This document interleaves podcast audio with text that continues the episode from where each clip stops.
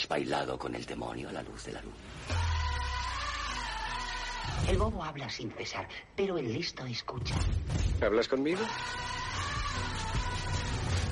¿Estoy de cachondeo? He visto cosas que vosotros no creeríais. Pues bueno, pues vale, pues vale.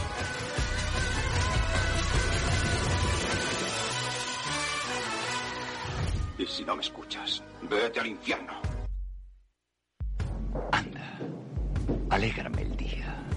Doncs aquí estem per alegrar-vos el dia. Molt bona tarda, bon dia, bon el que sigui. Benvinguts i benvingudes a Cinema a la Gresca, el programa que tant us agrada i que tant ens agrada fer. Jo sóc Daniel M.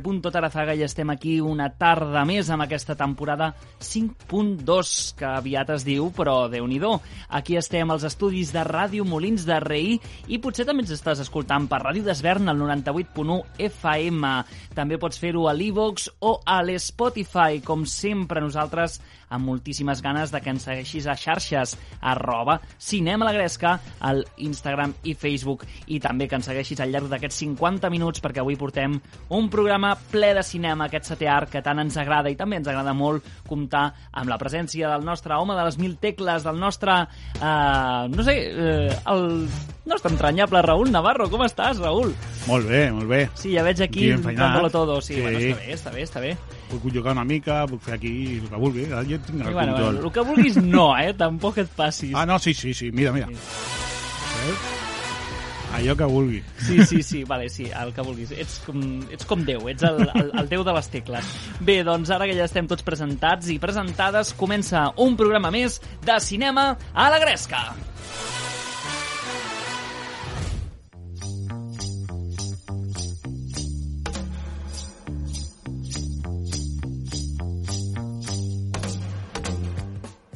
I si la setmana passada ja comentàvem doncs, eh, que aquest mes de maig eh, tindríem aquests programes més eh, estàndards, per així dir-ho, aquest no és, un, és un mes perquè el mes passat, el mes d'abril, vam tenir programes especials, vam fer l'especial de Harry Potter, especial Setmana Santa, i aquest mes de maig, de moment, està bastant normalitzat. Tindrem la cartellera com sempre, però abans de començar amb la cartellera, arrenquem amb aquesta fantàstica banda sonora George Baker amb aquest Little Greenback per descobrir les pel·lícules o les sèries, bueno, tot el contingut audiovisual que hem vist al llarg d'aquesta setmana. Raül, comença. Què? Què ens portes? He de començar jo? Sí, avui comences tu. Vinga. Uh, doncs ja estic. Aquesta setmana ha Sí. sigut bastant escasseta. Sí que veu- sempre veus cosetes, no? Però... Bueno, mira, us puc parlar de Mortadelo i Filemón. Mortadelo i Filomena. Sí, Home, mira, he, vist, això, això he estat veient aquest, bé. eh, aquests dies, aquest cap de setmana passat, amb el meu fill petit, el Pau, eh, les pel·lícules de Mortadelo i Filemón. Bueno, les pel·lícules, els petits curtmetratges d'animació que van fer primer en VHS, en beta, no sé com, en, en quin format va ser original. Uh, bueno, doncs això, reprenent una mica el contacte amb Mortadelo i de més. Sí, divertit com sempre. I a partir d'aquí vaig veure la pel·lícula de Javier Fesser, la primera pel·lícula, Mhm. que molt divertida també, Pepe Villuela i a més, i ja està, i a partir d'aquí aquí deixem de comptar una mica. Molt bé. Imagina't, Doncs, doncs està bé. He tingut molta feina i moltes coses que veure, però res concret. Bueno, està bé, està bé. I la veritat és que ara, parlant de Mortadelo i Filom... Filemón. eh, Filemón uh, um, no sé, em, em, em, em ve al cap que potser algun eh, especial o algun programa doncs podrien dedicar a parlar de, de Mortadelo i Filemón, perquè I tant, dels còmics, eh? més. Sí, sí, sí, sí, sí. de tot, sí, de sí. fet, avui arrenca precisament, i aquí Ah, veiem el pues sí, lligam, sí. Aquí arrenca, avui arrenca precisament el Saló del Còmic, aquí a Barcelona. Certo, certo, 6, avui, 7 i 8. demà, o sigui, 6, 7 i 8. Correcte. Correcte. Sí, sí. Sí, sí, arrenca avui, i tal com sortim d'aquí, jo com a mínim, tinc la meva acreditació i a, a passar Sí, eh? l'estoneta. Molt bé, doncs home, clar que sí, tu mereixes i també doncs així anem, anem gaudint ja d'aquest saló del còmic que... Clar, home, jo sóc conocido des de, des de sempre, com aquell que diu, des de fa molt de temps, no? Des de que ho feien a l'estació de França, ja, ja anava jo, i dic, inclús jo crec que de petit haver-te portat a tu al, Mm. al saló del còmic, en plan, a tu i la teva germana, no? Vinga, anem al saló del còmic, ara ho faig amb els meus fills, o sigui que tot va, tot va evolucionant, però, no sé, jo és un, un lloc que m'agrada fer un passeig de tant en tant i veure com està, com està una mica la cosa. Sí, és una cita anual que no ens podem perdre. Jo aquest any me la perdré, però no, no ens la podem No perdre. perdre, però jo, la, jo me la perdré, no? Sí, sí. Sí, la sí. veritat és que és una cita molt, molt, molt guai. I la veritat, m'agrada, em va de meravella que, Perfecte. que, vagis amb, que hagis enllaçat amb, amb el Saló del Còmic, perquè jo eh, eh, també enllaçaré, perquè la setmana passada us comentava que havia començat a veure una sèrie que es deia Heartstopper, que ha estrenat Netflix, um, que m'havia que m'estava agradant molt, que estava per la meitat de la temporada, ara ja he acabat tot el, tota la primera temporada que ens proposa Netflix i que ja està a la plataforma vermella des del dia 22 d'abril, i la veritat és que les sensacions són molt bones, les sensacions són molt positives, la sèrie en conjunt funciona molt bé, els actors treballen molt bé, està basada amb el còmic Hairstopper, per això dèiem el d'enllaçar un tema amb l'altre, perquè eh, des de que Alice Oseman va treure els, aquestes novel·les gràfiques, eh, aquests eh, quatre toms que hi ha ara, eh, la veritat és que va, va, va ressonar bastant, va ser una novel·la que, que, va, mm, que va ressonar bastant i ara jo estic pel, per tercer volum i, i la veritat és que està, està molt guai perquè la primera temporada és el primer i el segon tom Eh. el, primer, el primer i el segon i espero i suposo que amb aquesta segona temporada que suposo que vindrà eh, facin, diguéssim, el tercer i el quart llibre, no? Correcte. Però clar, jo ara que he acabat la primera temporada doncs em va molt bé perquè el tercer l'estic començant a llegir ara després d'haver vist la primera temporada. Bueno. I com que va lligat, és allò de dir no et sents orfe, no et sents Ja. que, que se t'ha acabat tot, sinó que ara puc seguir amb els llibres Ja, i puc no estàs seguir... enterrant a ningú, allò, ni aquesta sensació que dius tu, ni la de, ostres, què havia passat? Ja no me'n recordo, no? Pues, Sí, sí. Vas lligant bastant bé. Exacte, exacte, perquè em passava una mica això. Jo ja tenia el llibre des de feia temps, però com que ja m'havia llegit els prim, dos primers i, i ja feia temps que me'ls havia llegit, me'ls volia tornar a rellegir, no m'ha fet falta, perquè com que he vist la sèrie, ara ja ho tinc tot fresc per començar amb la tercera novel·la. Ja sé que això ja ho havia comentat la setmana passada, però volia tornar a repetir-ho perquè avui he llegit en, aquesta, en, en, en aquest tercer tom, he llegit Sí. una cosa que, que m'ha agradat molt, que és, és un clàssic, però en un llibre no, no m'ho havia trobat mai, i bueno, volia llançar-te la pilota, Raül, perquè Oh. crec que pot ser molt interessant per fer un per fer un, un especial o una repesca o alguna cosa. El, en el llibre Sí. eh, tens la, la, la caràtula, evidentment, tens la primera pàgina, i Mhm. en el dors de la primera pàgina tens la típica informació de quina- L'edició. l'edició, el paper l'acido és un paper, el biodegradable, no sé quant. Eh, vull dir, és, La és, informació tècnica, Sí. podria d'una manera, no? i a dalt de tot, a la capçalera d'aquesta primera pàgina, tens un text que diu el següent. Este libro es una obra de ficción. Los nombres, personajes, lugares y hechos son producto de la imaginación de la autora o están usados de manera ficticia. Cualquier parecido con personas vivas o muertas, lugares o hechos reales es una mera coincidencia. Sí. Clar, dit això, jo dic, eh, per què posem això en el, als inicis de les pel·lícules? Per què posem això als inicis dels llibres? I és una, pel- una pregunta que llenço. Eh, molt fàcil, per cobrir-nos les esquenes. Així de fàcil. Perquè sempre hi ha eh, gent amb la, per dir-ho d'una manera, eh, amb la pell molt fina de dir, ai, és que jo, jo sóc aquesta persona, o, o estàs parlant de segons qui, no? o m'he sentit reflectit, o s'ha sentit... Que tots eh, aquests autors, eh, o quan escrivim històries, eh, volem que la gent es senti reflectida, però no concretament una persona. No? Clar, clar. I aquesta manera és una mica de... Eh, eh, eh, que jo no, no he sigut no he sigut volent, no? No, no, no tu no ets. Sí, sí, i, i a mi em, em sembla que potser inclús hi ha un punt d'obligació de posar aquest tipus de textos. Clar, no, no, no, al final per això, perquè al final et treus de problemes. Et treus de Clar, clar. I, I certament és que aquí en aquest llibre d'Alice Oseman surt, però ahir, per exemple, amb aquesta festa del cine que hem tingut aquesta setmana, Sí. dimarts, dimecres i dijous, ahir vaig tenir l'oportunitat d'anar al cinema Ah, i, bueno, mm, allò de dir, què veiem, què veiem? Vaig anar amb, amb un amic i no sabíem què veure i li vaig dir tria. I va dir, bueno, aquesta. Venecia Frenia, jo ja l'havia vist. Vale. Uh, tenia moltes ganes de tornar-la a veure, sincerament, per tant vam dir, bueno, doncs anem. Sí. I vam, vaig veure Venecia Frenia per, per segon cop i també a l'inici de la pel·lícula té com un text molt similar de dir uh, aquesta situació que està passant és una situació que tal, però els personatges, tot és una cosa fictícia que s'ha creat arran de la, per, per la pel·lícula, no? I la veritat és que és un, un text que, que després entens, no? Perquè, sincerament, la pel·lícula jo la recordava molt gore, però la veritat és que sorprèn molt, hi ha escenes que sorprenen realment a nivell de... Bueno, és Alex de la Iglesia, que sabem Ah. que és megagore, però clar, posat en aquest context i realment és que té un punt inclús documental la pel·lícula, Clar. depèn de com la veus. Per tant, per, per això poses aquest, aquesta nota, no? Sí, sí, totalment. És que té un punt de, de pel·lícula de viatge, una mica... No és, eh? Però una mica perquè ens fem una idea, la càmera es mou bastant a, a lo rotllo rec, saps? Sí. A lo rotllo...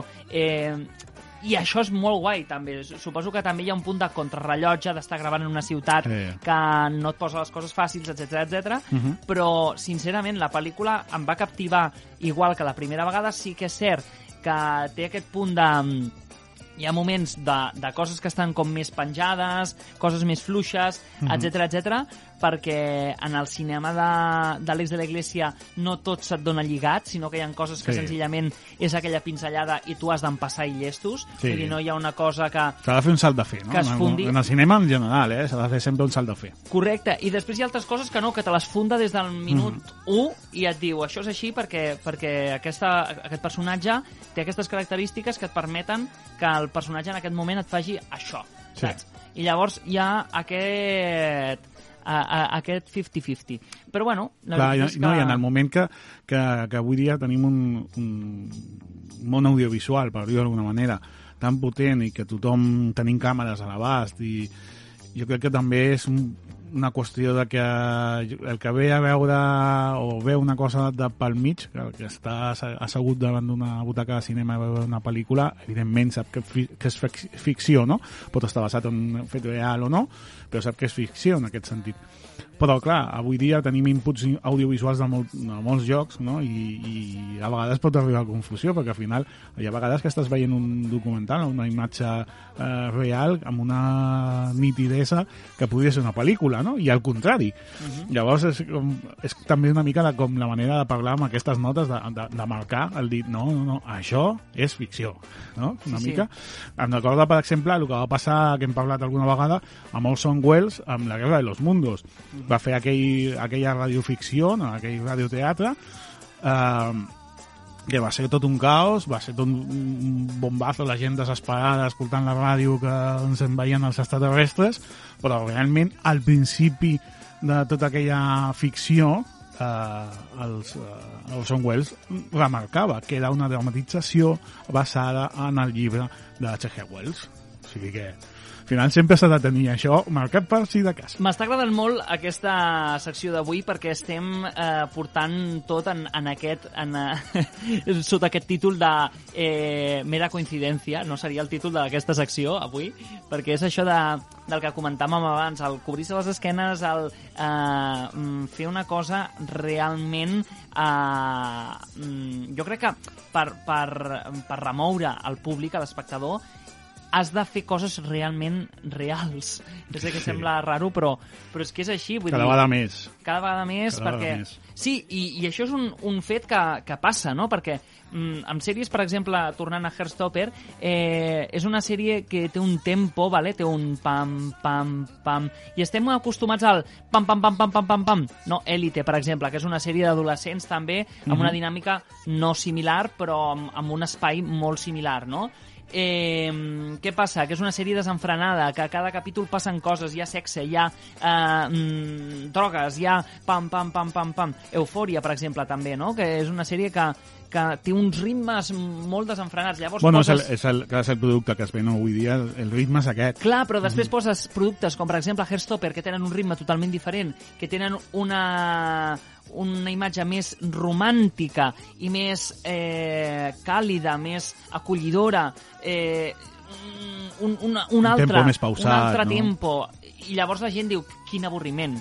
no? I això m'ha- passat. És un problema, eh, també, crec jo, eh? a nivell Sí, personal. sí, eh? Jo això ho opino a nivell personal. El problema, el que estem tan acostumats, això també ho fan les xarxes socials, ho fan... Estem entrant aquí en un debat que em sembla interessant, eh? Molt, molt. Ja farem la cartella de la setmana que ve.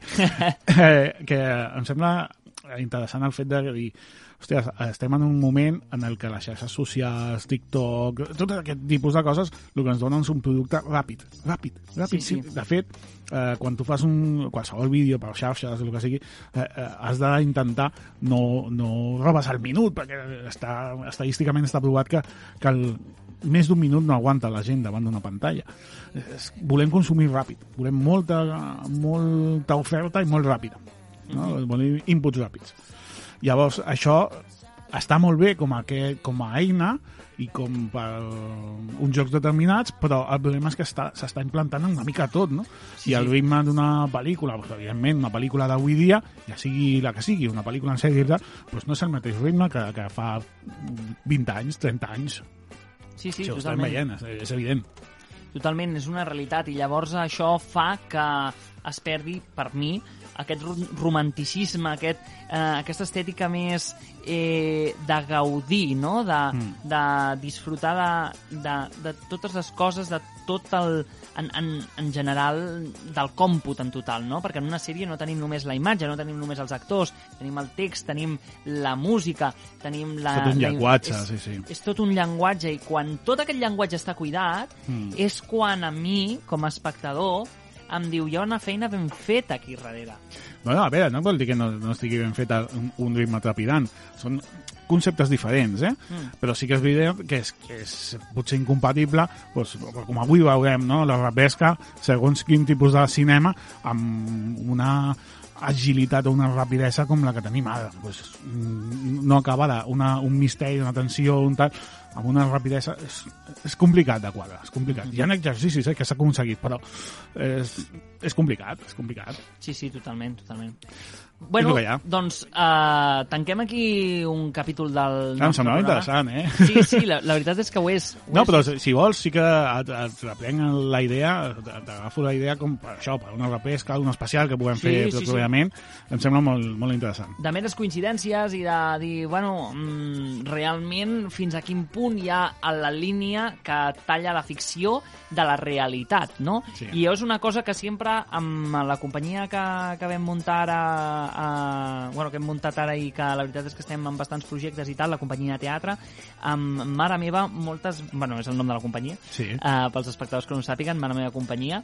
Uh, moltes vegades uh, jo intento, quan fem coses de creació, intento que el guió... Uh, és a dir, jo veig els, els actors que tinc i en funció dels actors que tinc també adapto una mica el, el guió, les trames, els personatges i això Home, clar. em sembla molt interessant. Llavors, quan llegeixen el guió diuen, hòstia, però si això és el que em passa a mi, o això és el que tal, o aquest vincle és el que tinc amb aquesta persona. Clar, perquè estic intentant agafar i construir des d'una ficció real, des d'una realitat.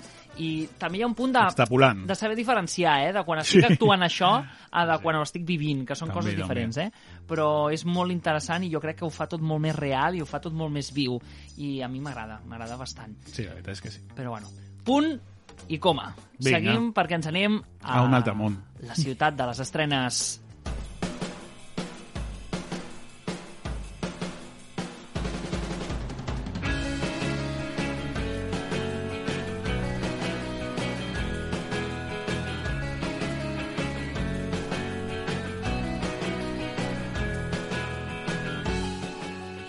Doncs, com comentàvem, aquesta setmana tenim estrenes a tort i a dret, no només a cartellera, sinó també a plataformes, com ja portem un parell d'anys informant-vos d'aquestes plataformes que eh, també doncs, s'han sumat al nostre dia a dia, al nostre divendres, perquè els divendres és el dia en el que més contingut també generen les plataformes, tot i que a partir de dimecres dijous ja comencen doncs, a penjar nou contingut o inclús doncs, les noves adquisicions que ha fet la plataforma com és el cas d'alguns exemples que portarem a continuació. Aquestes pel·lícules que ja s'han estrenat en eh, anterioritat i que ara la plataforma adquireix i penja en el seu catàleg, que ja és un dia a dia i estem molt acostumats. Per tant, arrenquem, com sempre, amb el cinema, perquè nosaltres creiem que les sales de cinema no moriran mai, o això esperem, perquè nosaltres Sempre adaptacions, això sempre ha passat. al cap i a la fi el cinema doncs, és per nosaltres com un temple, no? és com culte i uh, tot i, Mm. I- que està molt bé I ho hem a parlat casa, molt, moltes vegades eh, en els últims temps, no? I el, el cinema, la sala de cinema, el que ens dona és aquesta pausa per deixar de banda un moll, deixar de banda una pantalla i centrar-nos en una gran pantalla i no fer res més que parar atenció a aquesta peça. Totalment, totalment. I aquesta setmana hi ha peces realment interessants perquè ens arriben estrenes eh, que són bastant esperades. Per exemple, la primera, eh, per tots els friquis de Marvel, ens arriba Parlant de còmics, no? l'esperadíssima amb còmic, exacte. Sí, sí, una gran eh, feina de Stan Lee, no? com sempre, sí. uh, evidentment, perquè Stan Lee doncs, està al darrere de Marvel, ho ha estat sempre, i en aquest sentit No, però no era l'únic, eh? També. no, no era l'únic. El que passa que Claro. sempre ha sigut la cara que És- ha sempre sigut hem, sí. hem reconegut més, però evidentment hi ha una feina prèvia que, que no només la fa, la fa Stanley. De fet, en, no ho sabria dir-te, eh? però Doctor Strange ignoro eh? si, si és feina de, de Stan Lee o no. uh -huh.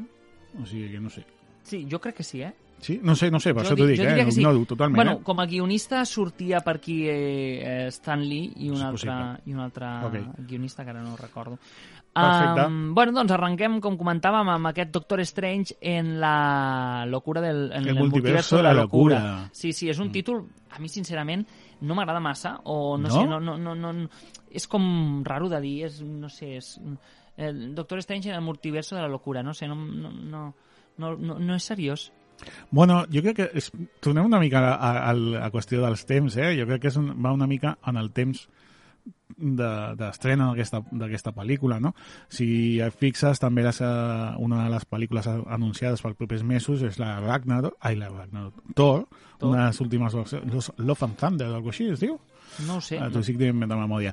I també, igual, té un títol i una estètica que fa com de, de, del ritme del, del moment, saps? Sí, sí. Jo crec que va una mica així. Una, una mica Bueno. per aquí, vamos. Bueno, bueno, pot ser, pot ser. Doncs ens arriba aquesta proposta de Marvel a la gran pantalla, avui dia 6 de maig, amb aquesta pel·lícula de fantasia, acció, aventura dels Estats Units, 2 hores i 6 minuts, amb la direcció de Sam Raimi. Oh! La veritat és que és molt, molt, molt esperat. De fet, és la primera pel·lícula que dirigeix en Sam Raimi en 9 anys i la primera de l'MCU. Dins de l'MCU, sí, sí, sí. El, el seu segell és evident amb aquesta càrrega que ratlla en la exageració, l'absurd i l'ambient aquest més grotesc i fosc que també doncs, eh, qualifiquen el, el director.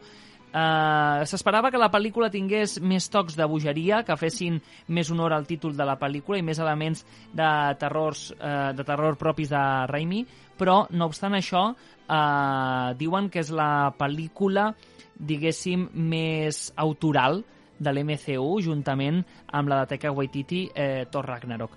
Per tant, Bueno, mm, tenim aquests tocs més, més uh, autorals. A mi personalment, si m'estàs ficant a Thor Ragnarok pel mig, no m'acaba de... A, aviam, és que clar, uh, per mi Taika Waititi és un director que trenca molts esquemes i, i a mi em fascina, em fascina, però no li fa justícia aquest Thor Ragnarok. No, per això No crec. li fa justícia. Jo... I, I manté el to propi, eh, en el seu cas, però no, no li trobo el, el punt. Sí, sí. Bueno, és, és que, bueno, ja és algú personal. Sí. però no el, el Taika, eh, sinó el, el personatge de Thor. No, a mi també No em costa. tothom a sobre, però molt. el personatge és el que no m'acaba de, No de convèncer. Però bueno, mirem a veure Sam Raimi, a veure què ens ofereix aquí, si té uns tocs així, si ens recorda Evil Dead una mica, no? O els seus orígens en aquest sentit. Mhm. A veure què tal.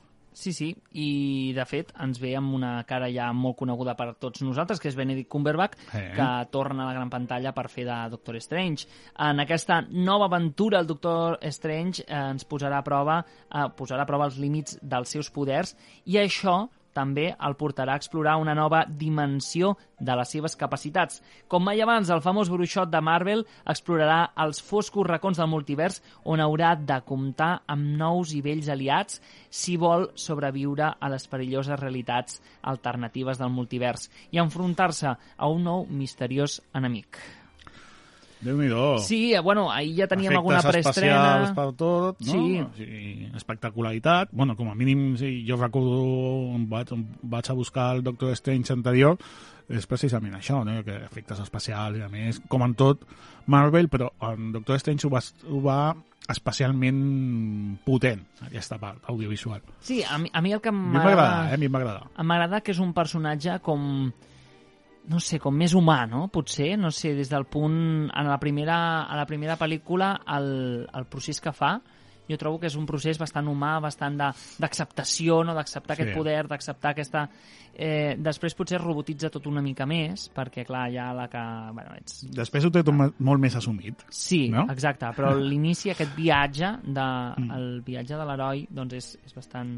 Clar, bastant eh, i a partir d'aquí entrem en, molts, en moltes conjectures no? de, del món Marvel en aquest sentit, no? de l'univers Marvel que fa una estona ens pregunt, em preguntaven ostres, i jo em puc veure Doctor Strange la primera part perquè no l'he vista bueno, Disney Plus està, evidentment Mhm. però clar, ja és que no és, quan et diuen aquesta quan et fan aquesta pregunta és complicat de, de respondre en Marvel perquè eh, clar, dius, sí, has vist eh, no has vist Marvel, o sigui, el Doctor Strange la primera part o la primera pel·lícula, però i tot el que hi ha pel mig que Uf. també té a veure tens Spider-Man, tens eh, És un drama, o sigui, és un drama. ha- has de tenir una mica de consciència de tot. Em sembla una mica bogeria d'aquelles pel·lícules que a vegades fem una mica de, de repesca perquè hem de veure una segona, una tercera part. Vaig a fer una repesca per recordar i així, el que deies tu abans de la sèrie del llibre aquest, no? De, hòsties, així reco- re- reconec una mica la situació i em poso en situació per, per continuar veient. En Marvel és complicadíssim perquè està tot tan, tan, tan, tan creuat ja en l'avasat que és, es fa molt complicat. Mira, Marvel és com un grup de WhatsApp familiar. Te'l deixes dos dies de banda i quan et cas al grup no saps què collons està passant. Sí, sí, que has de passar els, els missatges corrents cap amunt i de- vaig a buscar l'últim. Has de llegir una mica per sobre perquè si no no t'enteres. Correcte, Doncs- no, no, bona sí, definició, sí. bona definició. Sí, sí, Marvel és com un grup de WhatsApp familiar, però la veritat és que si uh, això... Bueno, multiverso de la locura. Sí, no, no, ja està, si el títol ja estava ben escollit, sí, veus? Sí, la veritat és que sí.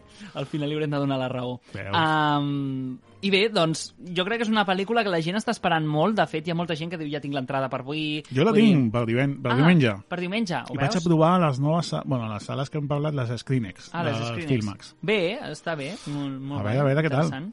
interessant. La veritat és que tenim bastantes apostes. De fet, ahir jo crec que algun cinema també oferia la seva preestrena. Vull dir Ahà. que hi ha hagut com aquesta feina de de difusió de la pel·lícula que crec que funcionarà bé a taquilla i al cap i a la fi jo crec que per l'estiu ja la tindrem a plataformes o sigui que Sí, segur, segur, és segur. un fet és un fet i passem, passem de pel·lícules Sí, si et perquè si sembla no, Ens ostres, estem aquí, portem mitja hora i estem només amb aquí amb, Sí. amb còmics avui, eh? I tant, avui- Nota que avui- s- avui comença la fira. sí, sí doncs ens anem a la segona, Raül Red Rocket Red Rocket. Red Rocket és un drama comèdia d'Estats Units de 2 hores i 10, eh, dirigida per Sean Baker. La... eh, Sean Baker és el, el, el director de Tangerine o de Florida, eh, de Florida Project. de Florida Project, de sí Florida Project. Una pel·lícula que em va costar una miqueta, però sí, allà estava pels Willem Oscars. Dafoe, no? Tenim per allà? Sí, sí, correcte, correcte. Sí. Aquesta em va fer molta gràcia perquè jo l'havia vist perquè mm, em feia gràcia la situació, no? que vivien en un, en un motel a prop de... a les fora de Disney World, sí. Sí. Uh, en fi, la cinta narra la història de Mickey Cyber, una antiga estrella del porno que després de viure l'època dau- daurada i ara viure a l'absolut fra- fracàs, decideix tornar a la seva ciutat natal, de Texas. Uh, tot i això, els seus veïns no estan disposats a fer-li tornar uh, a, a la, la, que la tornada li, fa, li sigui tan fàcil. Uh, ningú vol de nou a prop a, a, a Mickey Saber. Els habitants de la localitat es fan passar per veterans de guerra per, per vendre projectes militars o bé eh, passar droga a baixa escala. Sean Baker eh, ofereix una visió realista de l'anomenat somni americà, mitjançant uns personatges que viuen de la mentida i del menyspreu als altres.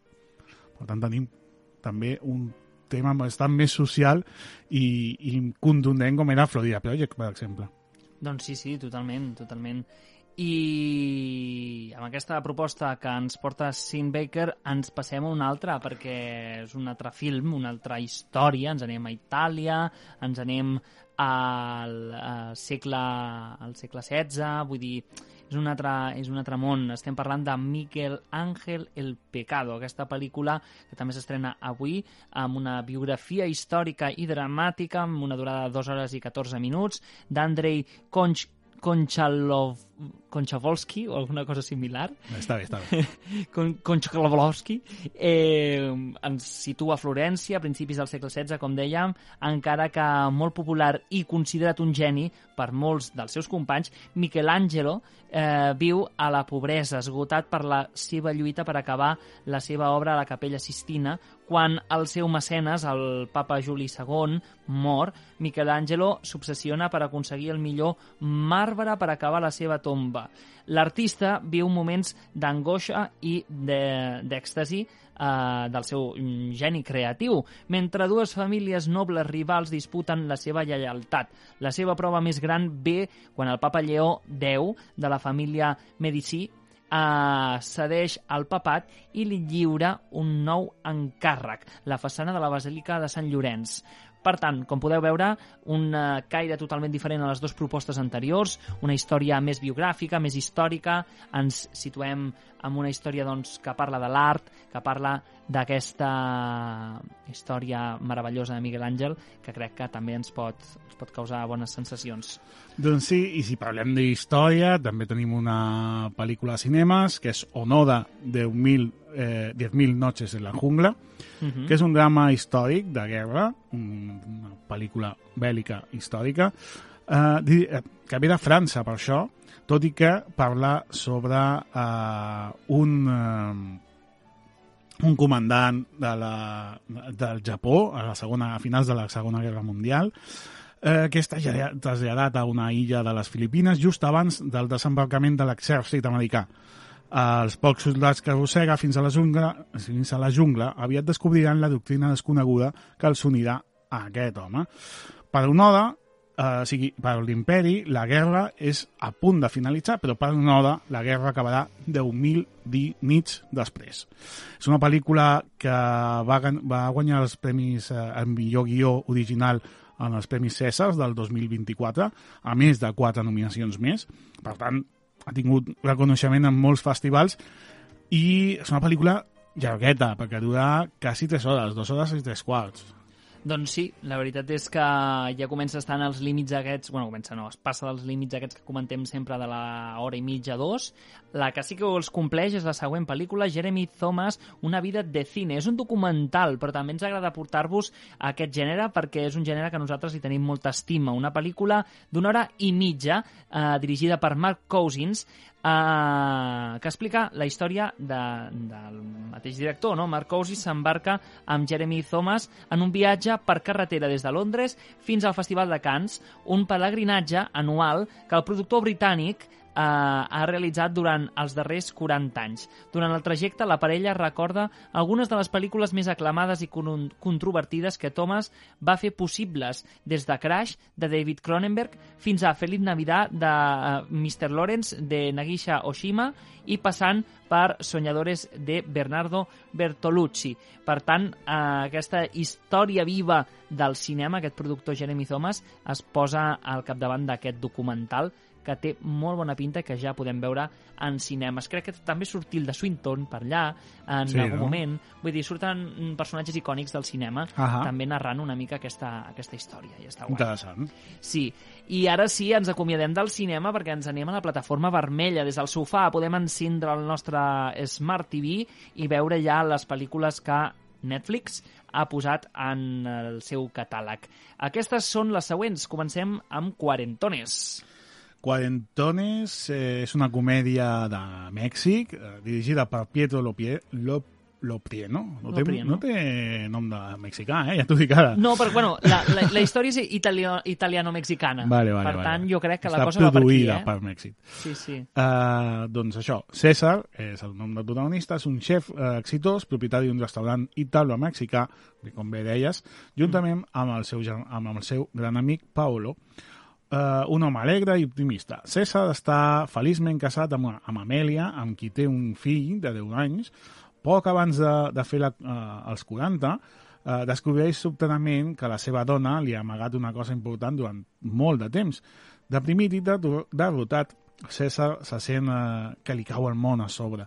Però just al moment de la crisi, César ha d'anar amb Paolo a Cancún a concursar en un certamen pels millors petits restaurants de Mèxic. El xef recupera confiança en si mateix gràcies a Naomi, una dona irònica i forta que coneix a, a l'hotel de la platja que li ensenya a bregar de manera equilibrada amb les sorpreses que es presenten a la vida.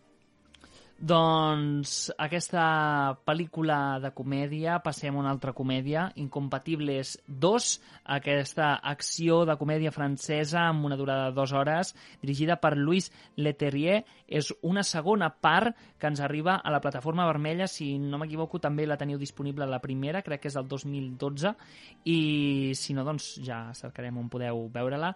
La- mm, L'actor principal que més coneixem és Omar Sy, que l'hem vist a pel·lícules com Jurassic World, l'hem vist també a In mm, Intocable, no? Potser, la més... Sí, la, més, icònica, la, la que li va donar tota la fama més una- potent, diguem. I després, més recentment, l'hem vist eh, fent d'Arsène Lupin, També. que també és un papelón. Uh, doncs el personatge d'Omar Sy i el personatge de Laurent Lafette, que és François Monk, uh, són dos policies d'estil i origen i trajectòria molt diferents. Fa anys van treballar junts, però la vida els va separar.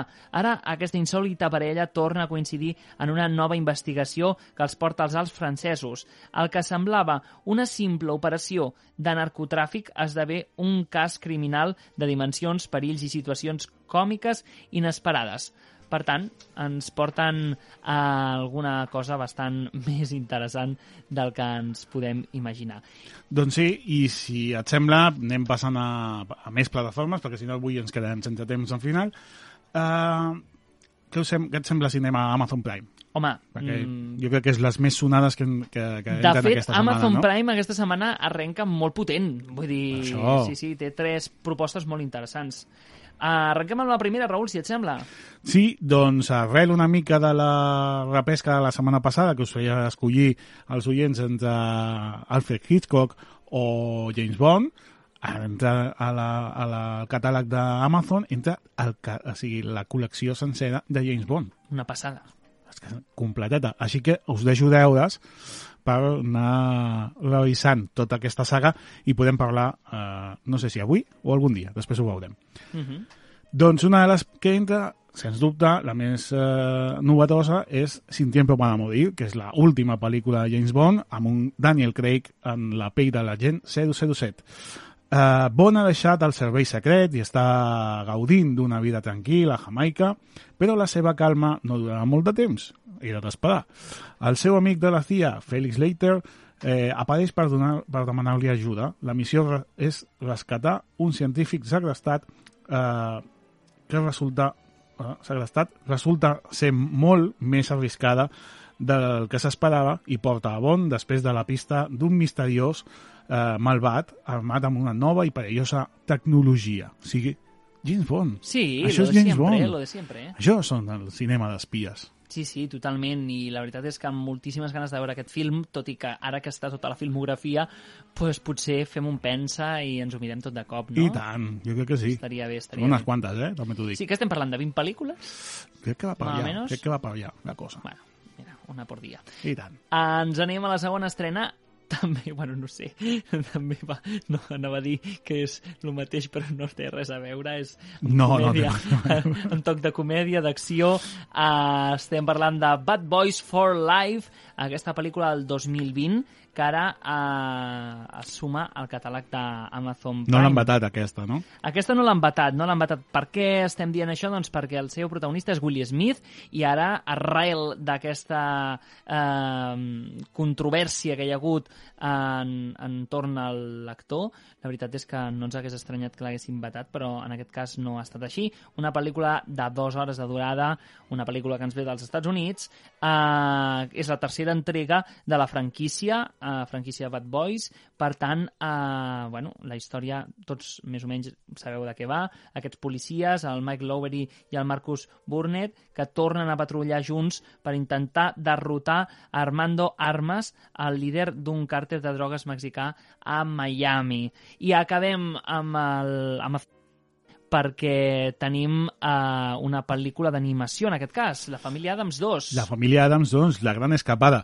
És la continuació de la pel·lícula que fa un parell d'anys s'estrenava, jo recordo haver vist a Sitges, s'estrenava a cinemes amb eh, la mítica família Adams, eh, en, aquesta, en aquesta ocasió de, feta d'animació, no?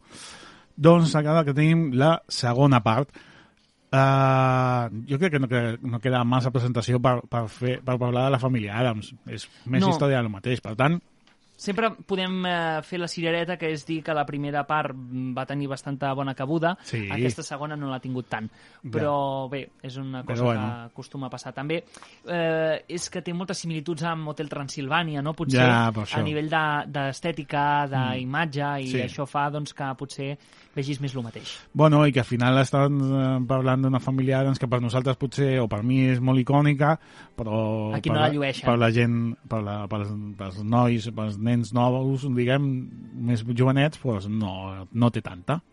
Correcte, i si haguéssim de fer una petita pinzellada la faríem a Filmin perquè realment la pel·lícula que ens estrena aquesta setmana no és una pel·lícula molt coneguda, és una pel·lícula alemana, és El espia honesto, una pel·lícula del 2021, un drama basat en fets reals que ens situa a, a, en una història d'un científic que, bé, doncs, eh, temes d'intel·ligència, de, etc etc, guerra, bueno, una mica vindria a ser això. I continuem fent, Sí. continuem fent pinzellades, com bé dius, perquè així avancem, ja hem Mm. donat lo, lo important, i fem repesques una mica a, a plataformes.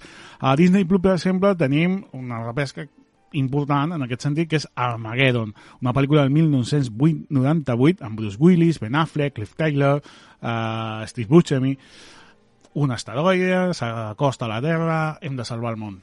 Doncs, som-hi, enviem aquest grup. Doncs sí, és, és així, és així, és, és, és el que hi ha. I jo, per acabar, diria que Movistar Plus ens ofereix aquesta setmana Halloween Kills, aquesta pel·lícula del 2021, que és un enllaç de la pel·lícula anterior de, de Halloween, aquest retorn de la saga amb eh, Jamie Lee Curtis, la meravellosa Jamie Lee Curtis, i la veritat és que té molt bona pinta la història de sempre, del nostre meravellós... Eh, com, com, com es deia el de... mm, que ara ha tingut un, un d'allò? Com, Ah. com es deia el, el director de, de, de Halloween, que se m'ha anat ara? Uh, El... Ah, Ostres, m'has m'has- Ah! m'has encomanat el, el hòstia! lapsus. El... Oh! Anava a dir Cronenberg, però no és Cronenberg, és el... Ostres, me l'has encomanat, eh? Hòstia! Mira, fem, el- fem una cosa, ja ho veuràs.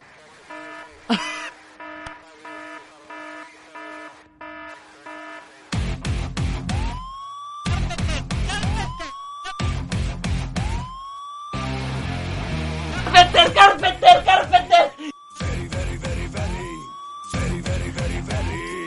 John Carpenter! John Carpenter! John Aquest, Carpenter! aquest lapsus. De vegades, quan pensa això, hòstia, sí, com es deia? Mm, ah, mm, Hòstia mm. puta, tio. No? Que fort. És que no ho he buscat, eh? Ha sigut un... John No, ja, Carpenter! ja, ja, a vegades s'at- s'atravessen els noms i, i Sí, les perquè és que a més és idees. compositor, no? Vull dir, té Sí, moltes, clar, té també, moltes també. coses. Vull dir, Sí, és, sí, és sí, meravellós aquest home. Aquest home sí que és l'home de les mil No, no, de fet, continua tocant i tot, sí, sí, sí. Sí, sí. Bueno, de fet, va tocar Sitges fa uns anys. Per això, per això, per això. Vull dir, és meravellós. Eh, la repesca, Raül, la veritat La és que repesca. ens ve que ni pintada avui aquesta banda sonora per aixecar-nos els ànims després d'aquesta fantàstica cartellera que hem tingut avui, que realment ha vingut carregada, però també ve carregada la repesca. Ens has dit La setmana passada ens feies triar entre 007, a Hitchcock, ho hem portat a xarxes, arroba cinemalgresc al nostre Instagram, i el pueblo ha decidido... el pueblo ha decidido. doncs això, que la setmana passada poníem aquí, posàvem aquí a prova els oients, a veure si teníem respostes, i jo crec que ha A quin sigut... han salvado, Jesús ha sigut, o a Barrabàs? Ha tingut més respostes que mai aquesta, aquesta consulta que hem fet a, aquesta setmana. Eh, I tot i que semblava que tot es confabulava per, per entrar en el món de l'agent 007, com dèiem abans, per l'estrena i tota l'entrada al catàleg d'Amazon, eh, inclús per les primeres respostes que tenien a Instagram, que anaven cap aquí, cap a un James Bond, final, finalment... Eh, ai, tinc la música molt alta. És que estem extasiats. Sí, sí, sí, sí. Doncs això, que finalment eh, ha sigut eh, Hitchcock el que ha desbancat a, a la gent 007. Amb, un, Ostres! amb més del 90% de les respostes han escollit el gran mestre del suspens.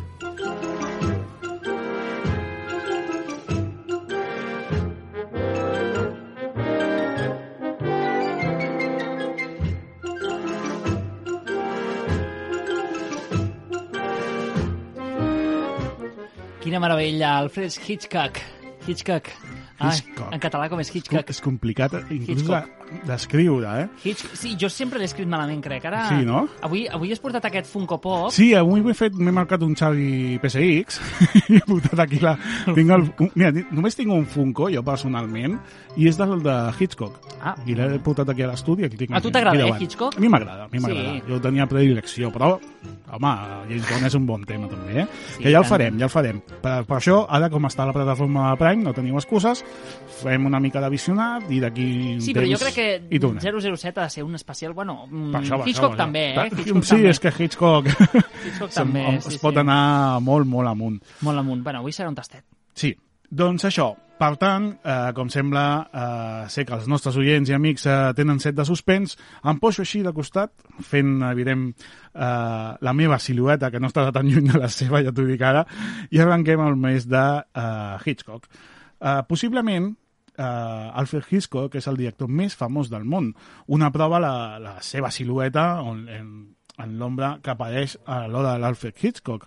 Ha conegut homenatges a paròdies en pel·lícules, programes d'humor, sèries d'animació. Eh, el seu cinema no ha passat de moda i no és, eh, no és estrany escoltar en promocions de films i sèries comentaris com la producció té un aire Hitchcockiano, no? Hitchcockiano, que- ho segur que ho han escoltat moltes vegades. Sí, sí.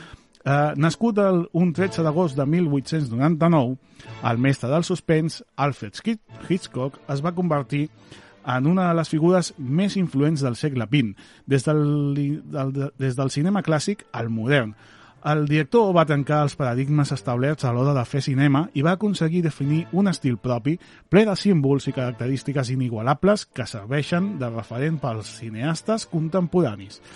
Uh, què podríem dir? Estem parlant aquí del mestre de suspens, però quina seria una mica la definició de suspens? Exact, doncs seria l'expectació impacient o ansiosa del desenvolupament d'una acció o succés, especialment en una pel·lícula cinematogràfica, una obra teatral o un relat. I en això era un gran mestre. Uh, Hitchcock va ser el petit de tres germans. Uh, el seu nom li, li van posar en honor al, ser, al germà del seu pare, que és el bo, eh, es deia Alfred també. Uh, va tenir una educació estricta i mai va ressaltar pel seu mal comportament, encara que, com en tota bona història, hi ha excepcions. Un bon dia, o, o dolent, segons com es miri, el seu pare li va manar a anar a la comissaria. Uh, li, va, li havia enviat amb una nota que ell no havia llegit, sol·licitant al policia que la tingués que el fiquessin al, a la presó durant uns minuts per haver-se portat malament a casa. Una humiliació que, que mai oblidaria tenint 5 anys. Déu-n'hi-do, déu nhi déu quin pare, eh? Sí, un bon escarment, no? Sí, sí, totalment. De fet, li va ser tan, tan, tan traumàtic que en la làpida la, de la seva tomba es pot llegir, llegir l'epitafi «Això és el que passa als nois dolents». La seva filmografia ha transcendit a través del temps com una d'aquelles que no pot deixar de veure's, eh, com un veritable, eh, qualsevol veritable eh, fan del cinema, no? Per la qual cosa, en veure pel·lícules com La ventana indiscreta o Psicosi, avui dia semblaria difícil imaginar, imaginar que han passat fa més de 25, eh, fa més de 120 anys que va néixer eh, Alfred Hitchcock. Uh -huh. Eh, dirigia més de 50 pel·lícules al llarg de 6 dècades, arribant a ser tan conegut com qualsevol dels actors gràcies a les seves increïbles trames, les seves nombroses entrevistes, els seus cameos en la majoria de les pel·lícules i el seu programa de televisió Alfred Hitchcock Presenta. Hitchcock tenia com a principi bàsic que el cinema és un espectacle i el públic és el destinatari. Això és molt important, jo crec que també en aquesta, en aquesta premissa. I encara que aquest principi podria semblar un tòpic, la veritat és que no ho va ser tant. Entre uns certs actors de la crítica, els qui no va respectar, no respectaven massa la figura de Hitchcock, almenys eh, no va rebre honrades eh, no va rebre masses eh, dir, eh, eh, no va ser massa laudejat, diguem, no? Uh -huh. No va ser molt aplaudit per la crítica. Eh, però tenia, perquè tenia fama de ser un director comercial que va fer que, que en cert grau se li tingués una mica de menor consideració com a artista. Aquesta tendència crítica es va aguditzar particularment després de la seva instal·lació a Hollywood, després de, de la seva carrera a, a Anglaterra, va marxar a Hollywood i va tenir una mica aquesta fama. És un cas semblant relativament al de Spielberg, no? que sempre se li ha tignat de, de, de, de director comercial. Uh -huh. Encara que, que sí que va obtenir... Eh, sí, eh, Spielberg sí que ha tingut algun eh, més reconeixements, diguem, ell no tants. Amb Hitchcock va ser nominat eh, cinc vegades com a millor director als Oscars, amb Rebecca, Nàufrags, eh, Recuérdame, La finestra indiscreta o Psicosis, encara que no va guanyar cap estatueta. Ostres. Per tant, molta, molta simpatia no li tenien. Uh, sí que la va guanyar com a millor pel·lícula amb Rebecca, en 1941, encara que resulta significatiu que cap dels seus films tingués una nominació com a millor pel·lícula més enllà de 1946. No obstant això, no preocupava massa això no preocupava massa a Hitchcock. L'espectador era finalment el crític més exigent i Hitch eh, considerava que la millor crítica per a una pel·lícula era la que aquesta que aquesta atragués a la gent i que sortís contenta d'una sala de cinema.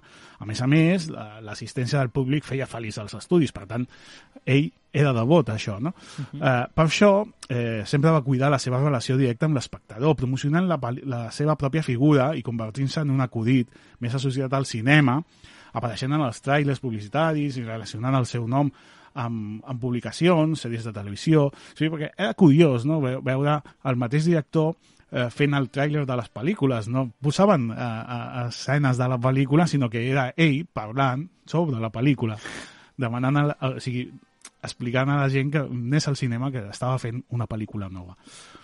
I tot amb una figura que, amb aquest humor negre que el caracteritzava i de més. Sí, crec, jo crec que aquí hi ha una cosa que és molt interessant, que és la valoració de la figura del director com a un personatge més de la producció d'una pel·lícula, perquè moltes vegades, com que tendim a donar-li importància o a eh, glorificar la feina dels actors, perquè és el que veiem, però els directors que estan al darrere, la producció, etc, no se li dona aquesta importància. Moltes vegades eh, tu preguntes a la gent eh, aquesta pel·lícula que has vist o mm, tal, no saben el nom del director. Nosaltres, que som friquis, sí, però no hi ha aquest costum de saber el nom del director, saps? No, i, i aquest, és, aquest és el cas de Hitchcock. Hitchcock s'havia fet, es feia tan, tan famós que la gent volia veure una, pel·li, una altra pel·lícula clar, de Hitchcock. La no? gent buscava Hitchcock, mira no buscava que, mira Anthony que inclús, Perkins. Clar, i mira que inclús feia servir eh, o treballava amb els actors reconeguts. Ell sempre volia actors reconeguts, mai volia eh, actors novells o que la gent no coneixés, perquè precisament un dels seus principis era precisament això, el fet de dir, no, vaig a buscar actors que la gent ja coneix, perquè així es centren en la història, perquè aquests ja els coneixen, no? No han de pensar, no han de a trobar, a reconèixer un nou actor, sinó que ja el coneixem, anem a, a buscar la història. I tant és així que per això sortia totes les seves pel·lícules. Bueno, ja arribava un moment que ell pensava que era una qüestió de bona sort, no?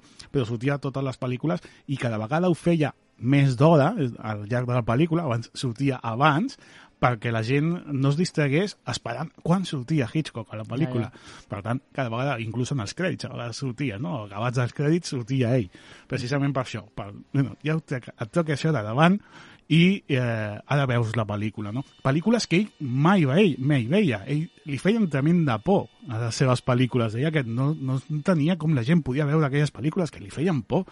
Ell no veia les seves pel·lícules. Que fort. I eh, dit això, ens hem menjat el temps, tinc moltíssimes més, ganes, més coses que explicar-vos, però um, Bueno, deixem li, per, de- li per tot aquest, mes, per eh? tot Vull aquest mes, evidentment. Sí, sí, deixem-ho, deixem-ho. I sobretot eh, ja no només a la seva figura, sinó com va revolucionar el cinema, eh, la història del cinema o la manera de fer cinema. Sí, sí.